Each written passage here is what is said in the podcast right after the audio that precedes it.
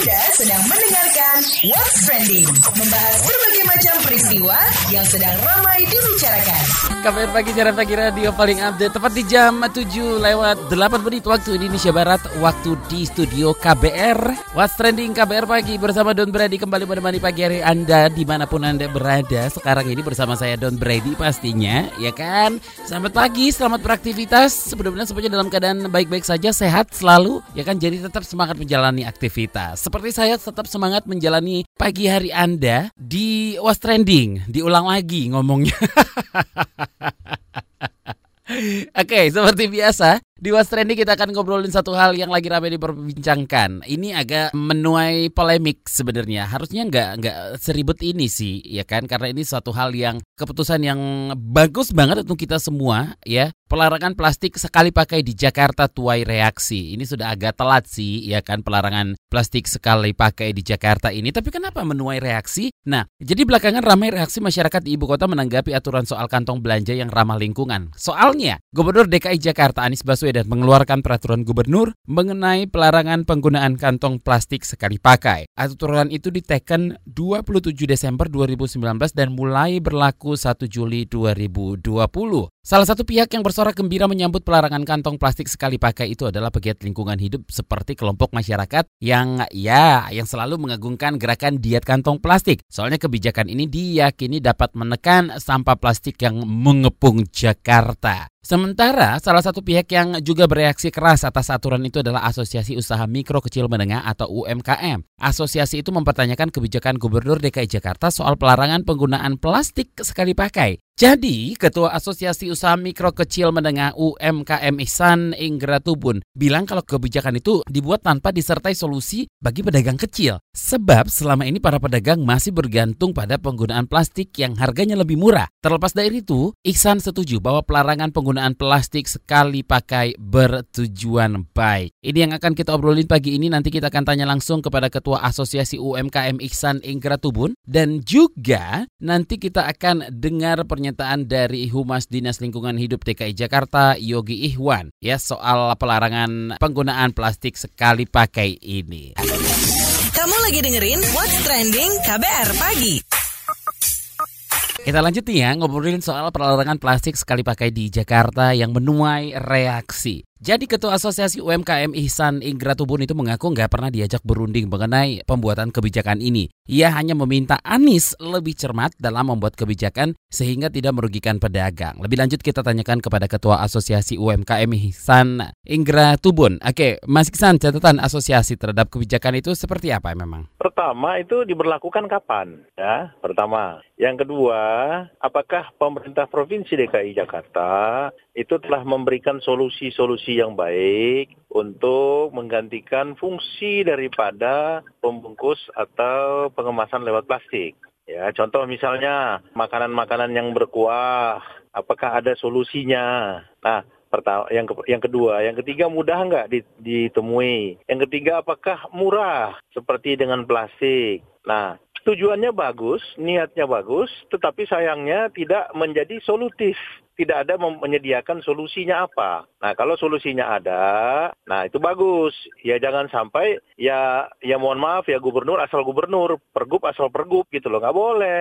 Ini kalau mengatur, ya mengatur saja, tapi mengatur dengan cara ada solusi yang baik kepada masyarakat. Apalagi ini UMKM itu sangat merugikan UMKM gitu. Hmm, Oke, okay. win-win solusinya apa ini? Ya win-win solusinya adalah ya apa penggantinya dulu, waktunya kapan. Jadi harus ada periodenya. Solusi yang ada itu bisa nggak mampu nggak di dalam waktu misalnya satu bulan atau dua bulan atau mungkin setahun dulu atau mungkin dua tahun dulu berlakunya pergub itu. Nah jangan sampai ini membuat chaos. Bahkan peraturan gubernur ini bisa dilakukan langkah-langkah yang namanya pertama ya judicial review, yang kedua class action karena merugikan masyarakat terutama UMKM dan dampak-dampak hukum yang lain terhadap gubernur. Jangan bukan asal aturan deh.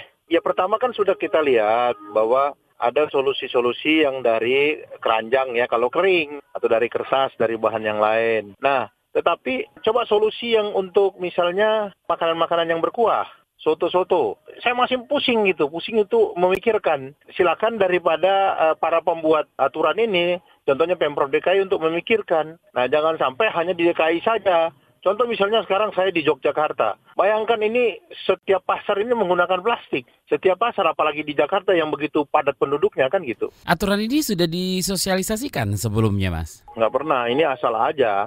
Ini kan jangan sampai ini ini jangan sampai pergub-pergub ini ya kepentingannya kepentingan orang yang punya kepentingan lain gitu. Ini jangan sampai. Kami duganya seperti itu karena kami nggak diajak berdiskusi, kami nggak diajak memberikan solusi-solusi atau kami nggak diajak untuk memikirkan pergub apa yang bagus berapa berapa lama waktunya. Ini kan gara-gara banjir di Jakarta terus plastiknya yang disalahkan. Ya nggak boleh begitu. Yang salah itu adalah tetap adalah airnya tidak sampai kepada jalannya tidak tidak terlalu besar. Nah ada sampah, iya. Nah pertanyaannya adalah apa kerjanya yang orang-orang PPSU itu misalnya. Yang kedua, kalau nggak juga diajak berbincang nggak apa-apa. Tetapi harus ada solusinya, solusi yang masuk akal, yang sama dengan fungsi plastik, yang murah, yang mudah didapatkan di mana, ayo gitu loh. Harapannya apa ini? Mengaturnya itu yang benar, menata yang di sini tetapi memberikan solusi yang lain, ya lebih murah atau misalnya lebih ramah lingkungan, tidak berakibat kepada banjir dan seterusnya.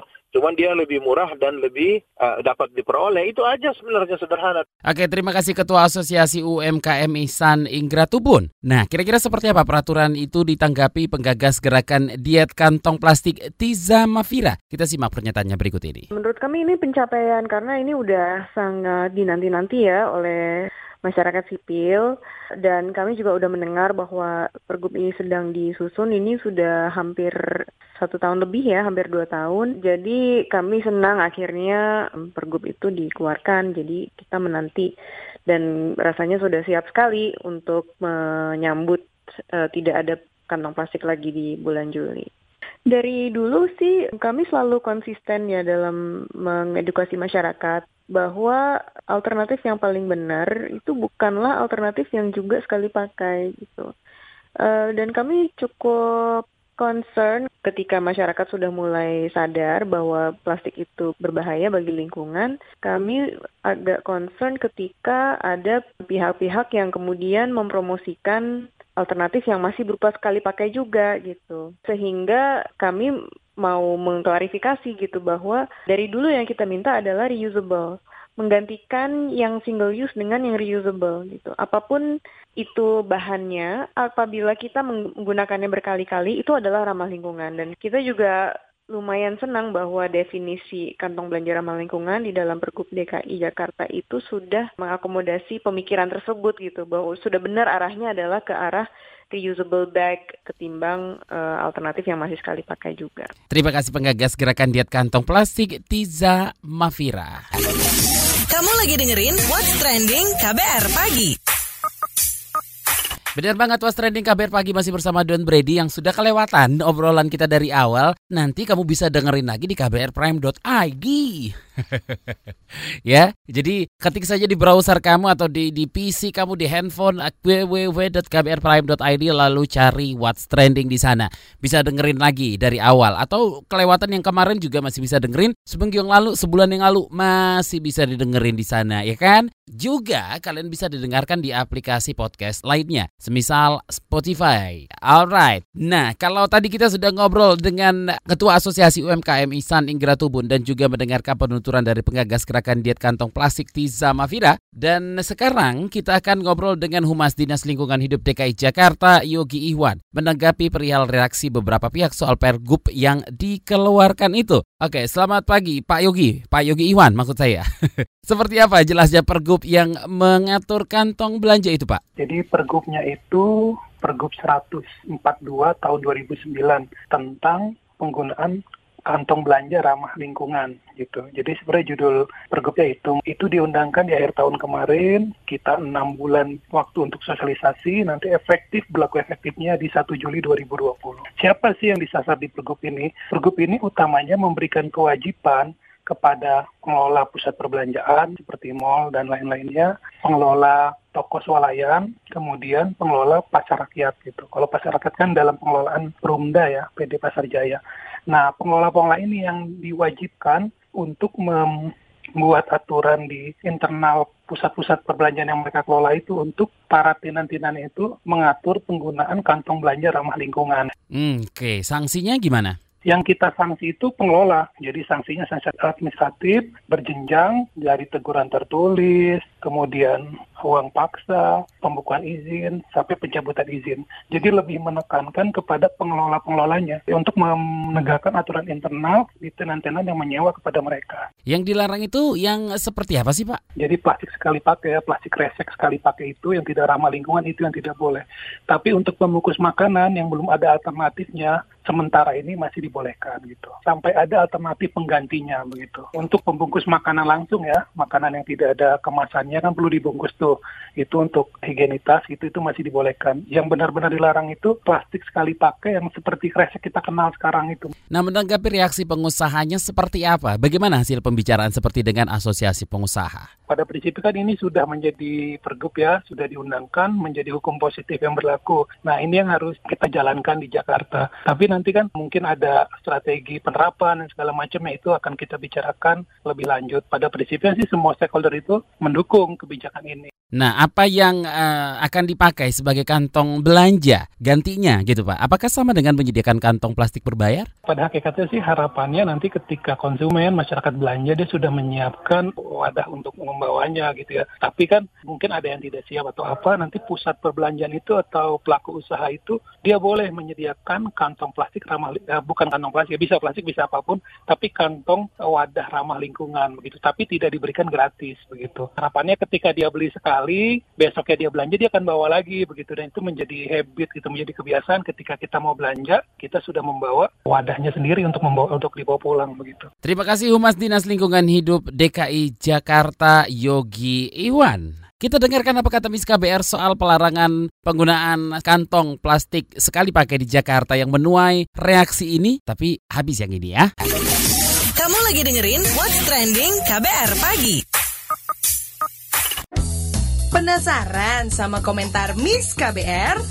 Ini dia Miss KBR. Hayo, siapa yang masih demen pakai kantong plastik? Elah, masa masih pakai kantong plastik aja sih? Kudunya kan udah pada mafum dong dampak itu penggunaan plastik seperti apa. Sampai pada hidangan laut di meja makan kita tahu biasanya sih emang dibuang. Panjang ceritanya sampailah itu ke laut. Nah, partikel kecilnya itu terlahaplah sama ikan-ikan di lautan. Lalu ditangkaplah sama nelayan masuk kantong belanjaan yang juga terbuat dari plastik. Meski udah dimasak, kan tiada semudah itu plastik terurai Pulgoso. Makanya, kalau lah ada sumur di ladang, bolehlah Miss KBR menumpang mandi. Kalau ada upaya mengurangi sampah, pasti puja-puji. nah, beberapa daerah di Indonesia kan udah mulai langkah tuh untuk melarang penggunaan kantong plastik belanjaan. Tahun ini Jakarta ikutan. Uh, sebagai ibu kota ya, kudunya kan emang jadi contoh. Apalagi sampah Jakarta kan banyak. Anyway, akhirnya DKI Jakarta emang menyusul. Gubernur DKI Anies Baswedan mengeluarkan Pergub DKI Jakarta nomor 142 tahun 2019 tentang kewajiban penggunaan kantong belanja ramah lingkungan. Artinya, tiada boleh itu pakai kantong plastik yang sekali pakai. Nah, aturan itu kan mulai berlaku sejak 31 Desember 2019 lalu. Akan tetapi, efektifnya baru nanti Juli 2020. Tuh, masih ada waktu untuk membiasakan diri bawa kantong belanjaan sendiri. Sanksinya beragam, mulai dari peringatan doang sampai pembekuan izin usaha.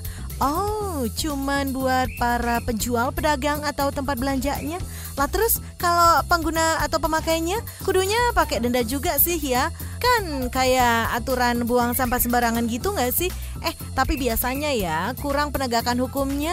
Ada larangan atau aturan, tapi kok masih permisif. Uh, kapan orang mau berubah ya kan? Nunggu semua orang jadi Power Ranger gitu. Mustahil. Biar Yosi Sudarso aja Eh, atau emang butuh Power Ranger kali ya untuk menegakkan aturan di Indonesia? Minimal larangan penggunaan kantong plastik sekali pakai lah. Eh, Miss KBR, Ranger, apa ya pantasnya?